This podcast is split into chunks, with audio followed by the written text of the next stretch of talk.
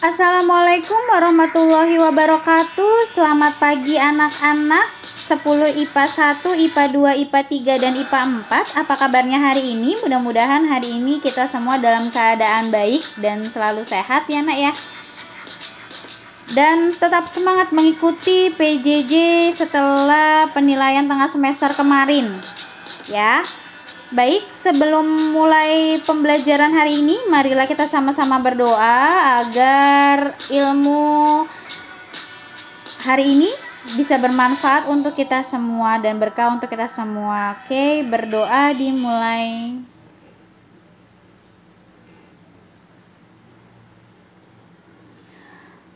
Berdoa selesai. Oke, untuk PJJ hari ini Jumat 19 Maret 2021 Ibu akan bacakan dulu skenario pembelajaran kita hari ini dengan media Spotify. 3 jam pelajaran 9.20 sampai 10.35 Oke, perinciannya adalah 9.20 sampai pukul 10 Kalian mendengarkan Spotify yang ada di Spotify SMA Martia Bakti.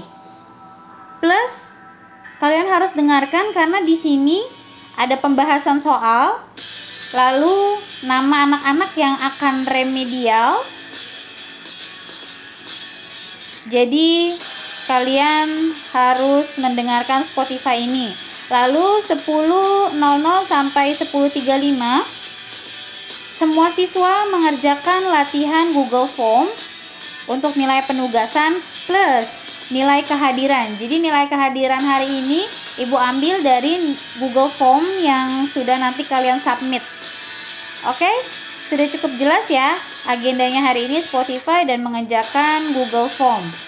Oke, di Spotify ini ada penjelasan soalnya dan latihan soalnya akan kalian kerjakan setelahnya.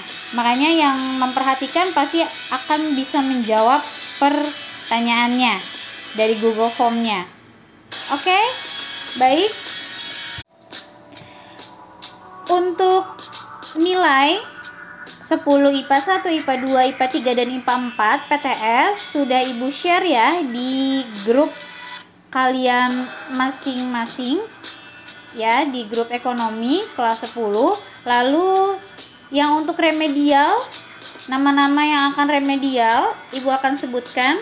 Mulai dari 10 IPA 1 10 IPA 1 ada tiga orang yang remedial. Atas nama Adelia Nilam Konita Alkadrina Oxti sama Haikel Rizky Mafaza. Ya tiga orang IPA 1 Adelia Alkadrina sama Haikel Lanjut kita ke IPA 2. IPA 2 cukup banyak. Ada 6 siswa yang harus remedial atas nama Anissa Salsabila, Lutfi Dimas Satrio, Muhammad Rafi Novantino, Nurin Nabilah, Nyimas Hesa Sekar Melati, dan Rizky Aulia Pratama. Ibu ulang kembali di IPA 2 yang remedial Anissa Salsabila, Lutfi Dimas, Muhammad Rafi, Nurin, Nyimas, dan Rizky Aulia. Oke, lanjut ke 10 IPA 3. 10 IPA 3 ini bagus ya nak ya. Hanya ada satu anak yang remedial dan anak ini memang suka ibu cari-cari orangnya yaitu atas nama Muhammad Nur Ihsan. Muhammad Nur Ihsan remedial PTS ekonomi. Lanjut untuk 10 IPA 4. 10 IPA 4 ada ada 9 anak. Cukup banyak juga ya, IPA 2 dan IPA 4 ada 9 anak atas nama Alia Jauza Syabana, Eka Paramita, Fajri Aprian Hafiz, Fitra Naufal Eka Bayu Wardana, Irsyad Muhammad, Naila Putri Salsabila, Kobar Akmal Arya Yuda, Rian Pamungkas, Rido Nurzaki Syahid. Ibu ulang kembali untuk 10 IPA 4 yang akan remedial. Alia, Eka, Fajri, Fitra, Irsyad, Naila, Kobar, Rian, dan Rido. Oke, sudah jelas ya nama anak-anak yang perlu remedial PTS. Nama anak-anak yang tidak ibu sebutkan dalam Spotify ini berarti kalian nilainya aman. Ya, tidak perlu bertanya lagi sama ibu apakah saya ikut remedial atau tidak.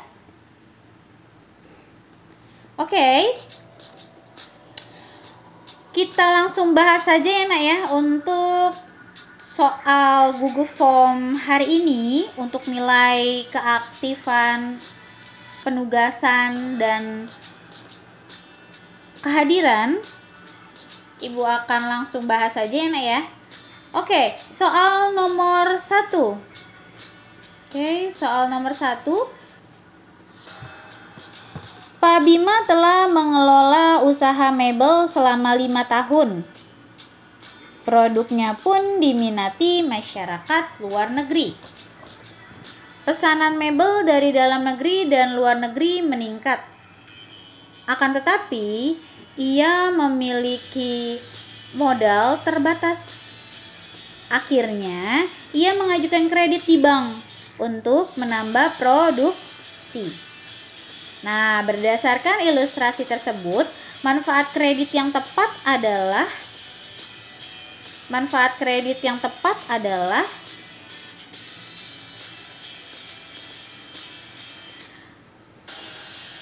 Apakah A membantu proses pembangunan ekonomi di suatu negara atau B mengatur dan menjaga kelancaran sistem pembayaran nasional? Apakah C meningkatkan keuntungan bank bersumber dari bunga pinjaman? Apakah D memungkinkan barang yang diproduksi terjual lebih banyak? Ataukah E membantu pengusaha dalam negeri mengembangkan usahanya Jawabannya adalah yang E, membantu pengusaha dalam negeri untuk mengembangkan usahanya. Jadi itu manfaat dari pemberian kredit. Jadi supaya si pengusaha ini bisa mengembangkan usahanya. Lanjut untuk nomor 2. Pernyataan berikut yang benar mengenai sistem pembayaran tunai adalah kita lihat yang A. Cek dan biliet giro tunai atau KB instrumen pembayaran uang giral. Uang giral itu adalah uang yang dikeluarkan oleh bank umum ya. Seperti yang A, sama seperti yang A itu berupa cek, uh, biliet giro. Jadi masing-masing bank umum mempunyai uang giral masing-masing. Dan hanya bisa dicairkan di bank tersebut. Yang C, sistem pembayaran dilakukan kredit. Yang D, sistem pembayaran tunai dan clearing.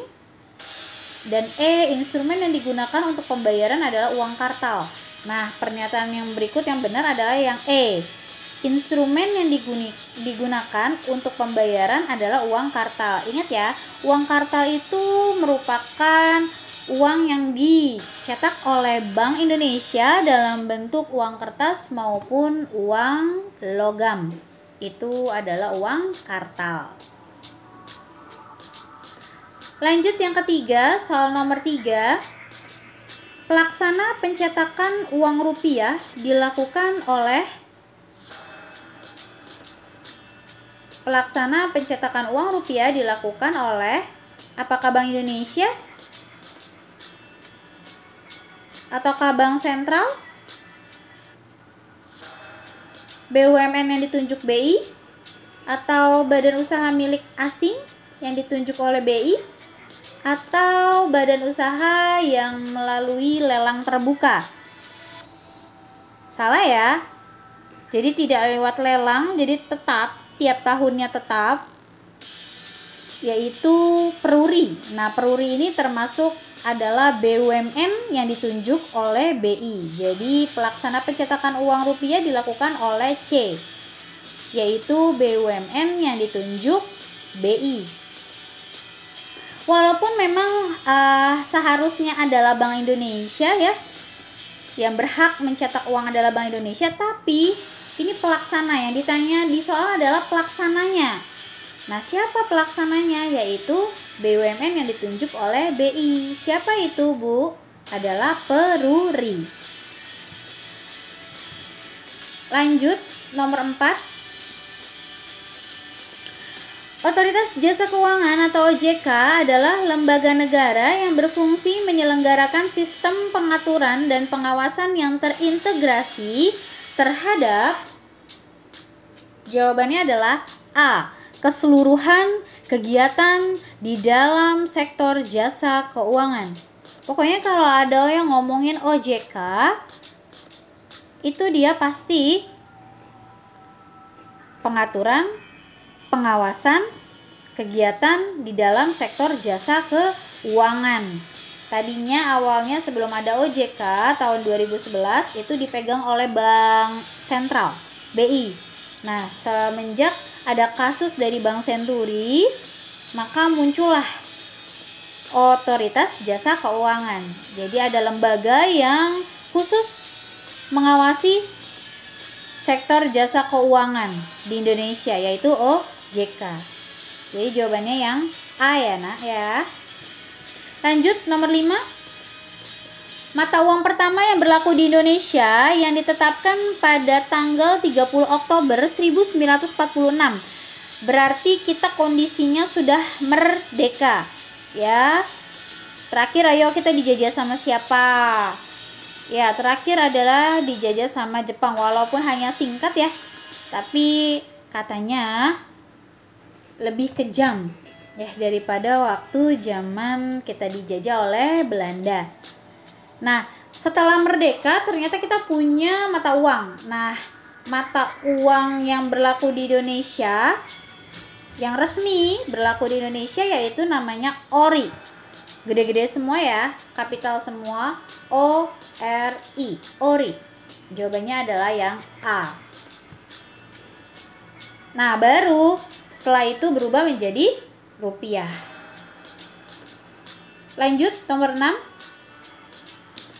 Kewenangan mengatur dan menjaga kelancaran sistem pembayaran di Indonesia berada di tangan Ayo, ini sistem pembayaran di Indonesia. Kalau OJK tadi adalah pengawasan sistem eh, pengawasan kegiatan sektor keuangan.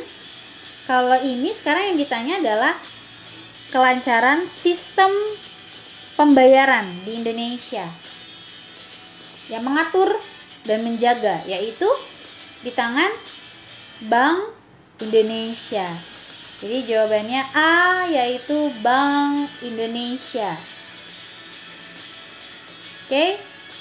Lanjut nomor 7 uh, eh, di sini berikut ini adalah jenis-jenis lembaga keuangan dan lembaga keuangan bukan bank.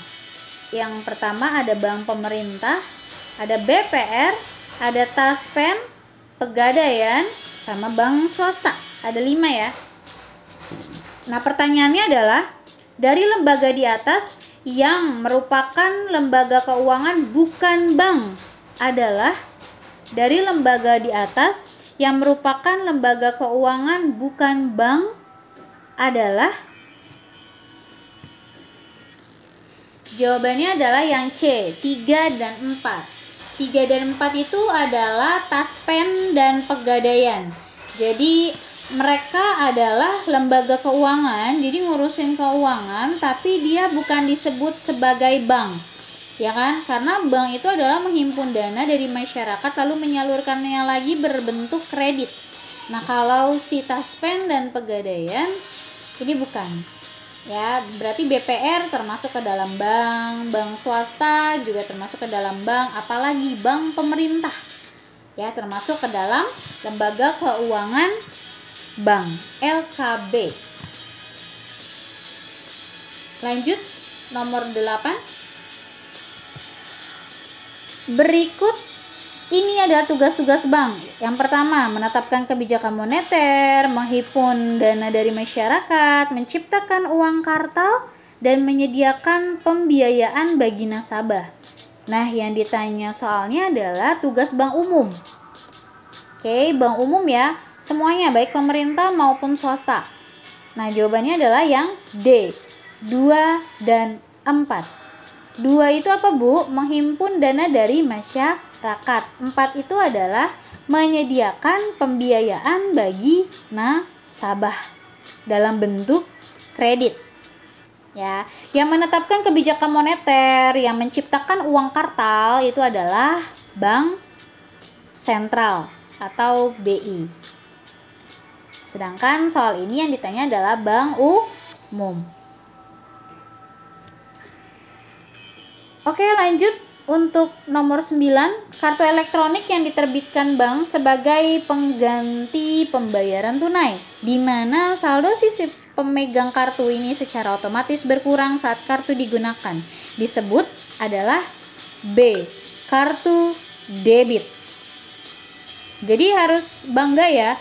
Kalian lebih bangga harusnya punya kartu debit membayarnya ya, pembayarannya lewat kartu debit daripada kartu kredit karena kartu debit ini adalah uh, kita pakai dulu dari uang kita kalau kartu debit. Nah, tapi kalau kartu kredit itu jatuhnya kita ngutang dulu sama bank, dibayarin dulu sama bank, lalu pas jatuh tempo itu kita bayarkan. Ya. Itu bikin kita jadi konsumtif ya. Kalau ada kartu kredit itu membuat kita jadi konsumtif. Lanjut nomor 10.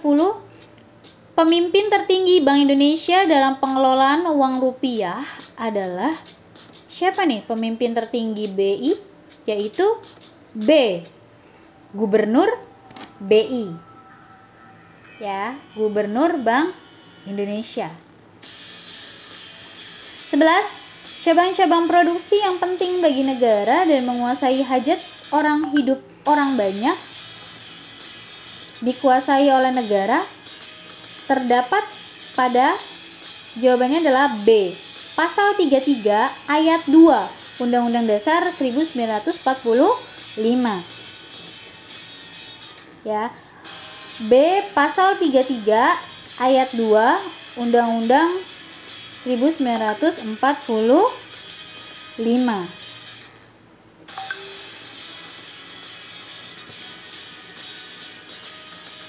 itu menggambarkan BUMN ya kan? Karena BUMN itu yang dikuasai sama pemerintah adalah bidang-bidang yang menguasai hajat hidup orang banyak. Contohnya kayak apa bu?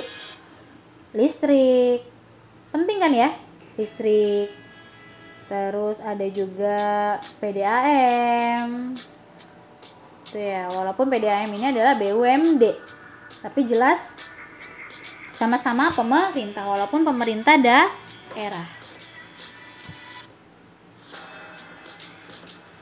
Lanjut untuk nomor 12 Badan usaha yang seluruh atau sebagian besar modalnya dimiliki oleh negara disebut pasti tahu ya. A. BUMN, Badan Usaha milik negara keterlaluan kalau nanti kalian jawabnya salah. 13. Suatu kumpulan modal yang diberi hak dan diakui oleh hukum untuk mencapai tujuan tertentu biasanya untuk mencari keuntungan. Biasanya untuk mencari keuntungan adalah PT. Perseroan terbatas bukan CV, bukan firma, bukan perusahaan, bukan koperasi, apalagi koperasi.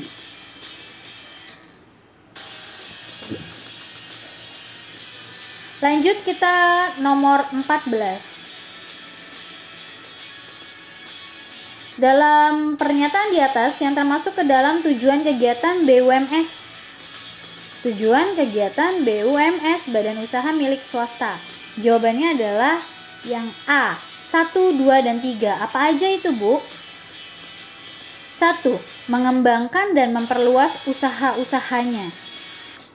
Nah, yang kedua, membuka lapangan pekerjaan. Dan yang ketiga, memperoleh laba sebanyak-banyaknya, sebesar-besarnya.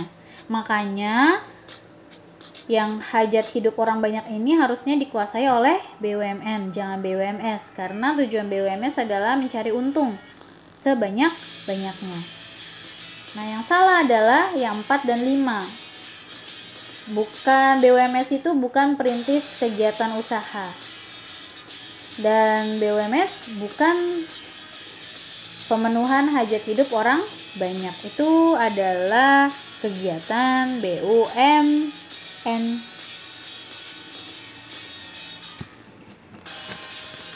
Lanjut kita ke nomor 15. Sebagai mitra pemerintah dalam kegiatan ekonomi, nah pernyataan tersebut adalah sebagai peranan titik-titik terhadap perekonomian Indonesia. Jelas ya, mitra pemerintah itu dalam ekonomi adalah peranan dari BUMS, Badan Usaha Milik Swasta. Lanjut ke nomor 16 Berikut ini perusahaan yang termasuk ke dalam BUMD kecuali di sini ada bank pembangunan daerah, ada koperasi daerah, ada perusahaan daerah air minum PDAM, ada perusahaan daerah angkutan kota, bus kota, ada perusahaan daerah rumah potong hewan PDRPH. Nah, jelas ya namanya namanya juga perusahaan daerah berarti kita jangan pilih C, D, E jangan kita pilih. Yang kita pilih adalah yang B, koperasi daerah. Bank walaupun dia bukan perusahaan ya, tapi dia termasuk dalam BUMD. Karena bank sekarang bentuknya ada yang bentuknya PT. Perseroan terbatas. Lanjut kita ke nomor 17 PT yang sahamnya tidak boleh dimiliki oleh orang lain dan hanya dimiliki oleh orang-orang tertentu saja disebut B. PT tertutup. Jelas ya, PT tertutup. Nah, kalau yang ada di pasar modal, nah itu PT-PT terbuka. Makanya belakangnya ada tulisannya TBK gitu ya. Misalnya PT eh, PT Jasa Marga TBK gitu. Nah, artinya saham mereka boleh dimiliki atau dibeli oleh masyarakat. Lanjut 18 Kelompok yang termasuk badan usaha milik negara adalah yang C, A1, B2, dan C3. Apa aja itu, Bu? Yang termasuk dalam BUMN. A1 itu adalah Perum Bulog, perusahaan umum Bulog. Bulog itu adalah uh, beras ya, uh, yang mengendalikan uh, beras di Indonesia, Bulog. Lanjut ke B2, Jasa Marga. Jalan tol ya? Jasa Marga. Lalu ada yang C3 yaitu PLN, perusahaan listrik negara. Oke. Okay. Bank Jatim, Bank DKI termasuk ke dalam BUMD. PT Telekomunikasi juga termasuk BUMN, tapi A3 tidak ada pasangannya. Ya sama B3 B3 itu Citibank. Jelas Citibank ini adalah swasta. PT Gudang Garam pun swasta. Nah Dirgantara termasuk juga dalam BUMN tapi karena tidak ada pasangannya jadi kita tidak pilih. Lanjut 19. Badan usaha yang berusaha meningkatkan nilai ekonomi suatu barang dengan cara mengolah bahan mentah menjadi bahan jadi disebut Badan usaha industri. C. Industri. Agraris kalian tahu ya. Diolah dulu alamnya, lalu kita manfaatkan. Ekstraktif lebih enak lagi, tinggal ngambil doang dari alam. Tapi biasanya ekstraktif jumlahnya terbatas. ND perdagangan hanya menyalurkan barang dari produsen ke konsumen. Nah, jasa jelas ya dalam bidang jasa. Oke, lanjut kita ke nomor 20. Di bawah ini yang tidak termasuk pada kelemahan BUMS yaitu jawabannya yang A, mengalirnya devisa ke luar negeri. Ini bukan termasuk kelemahan ya. Ini termasuk kelebihan dari BUMS yaitu mengalirnya devisa ke luar negeri.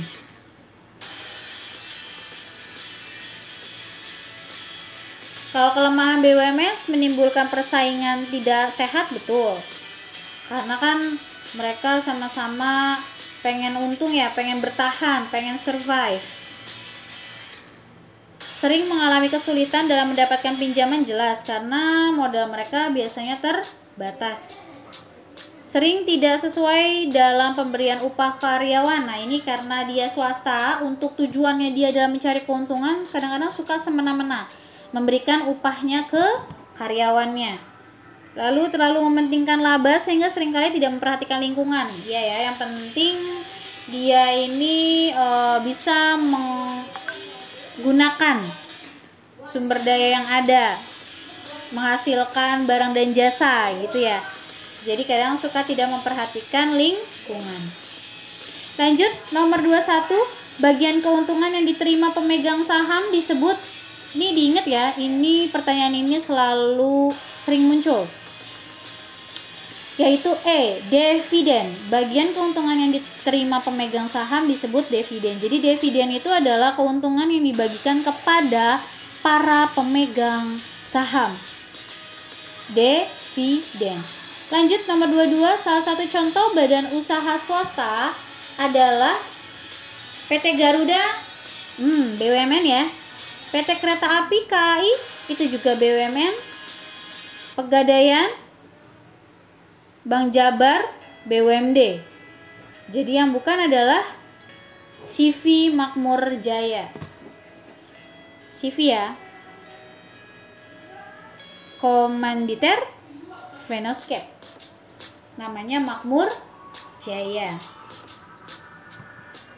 Lanjut nomor 23 Pos Indonesia, Garuda Indonesia Airways, Asuransi Jiwasraya adalah contoh perusahaan negara berbentuk persero. Ya, bentuknya sudah persero. Dia bukan perum lagi, apalagi perjan. Sudah nggak ada ya perjan.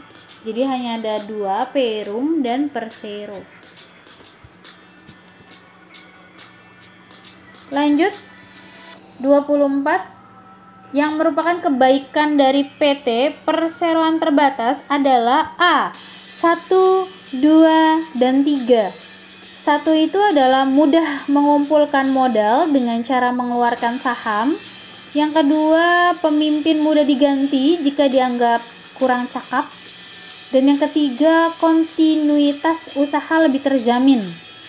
Nah, itu kebaikannya, kelebihannya. Lalu yang empat ini adalah pimpinan dapat dibagi menurut keahlian. Enggak ya. Yang kelima, kebebasan pemilik dalam mengembangkan usahanya. Nah, ini biasanya kalau yang CV atau yang persu perseorangan, perusahaan perseorangan. Nah, ini baru uh, ciri dari mereka. Jadi, kebaikan dari PT adalah yang 1, 2, dan 3. Nah, soal terakhir nomor 25 Kesatuan yuridis dan ekonomis yang bertujuan mencari laba disebut B. Badan usaha. Ya, kalau koperasi kan badan usaha yang terdiri dari orang per orang, nah minimal 20 orang. Berasaskan kekeluargaan. Kalau perusahaan dia ini uh, tidak ada badan hukumnya. Nah, kalau pabrik tempat mengelola dari bahan mentah menjadi bahan jadi yayasan nah ini lembaga yang semata-mata tidak mencari keuntungan Oke baik sudah 25 soal yang ibu sudah bahas ya Tugas kalian adalah setelah ini mengerjakan G-form soal. Soalnya sama seperti yang tadi sudah Ibu bahas. Jadi apabila kalian mendengarkan penjelasan dari Ibu, pasti nilai Google Form-nya akan 100. Ya, karena tadi sudah Ibu bahas beserta jawabannya. Oke, nanti di Google Form ada 25 soal juga, soal PG mengenai uh, bank sentral, badan usaha dan uh, eh, LKB ya. OJK juga ada. Oke? Okay? Sekian Spotify dari Ibu. Ya, sekian Spotify dari Ibu. Lebih kurangnya Ibu mohon maaf apabila ada kesalahan kata Ibu juga minta maaf. Oke, semoga kalian bisa mengerjakan Google Form-nya dengan baik. Nilainya bagus. Nah, ini merupakan nilai kehadiran juga ya. Jadi semuanya wajib mengerjakan Google Form yang sudah Ibu uh, berikan di link grup kelas ekonomi lintas minat kelas 10 IPA 1 sampai IPA 4. Oke. Terima kasih anak-anak atas perhatiannya. Ibu tutup dengan Assalamualaikum warahmatullahi wabarakatuh. Terima kasih.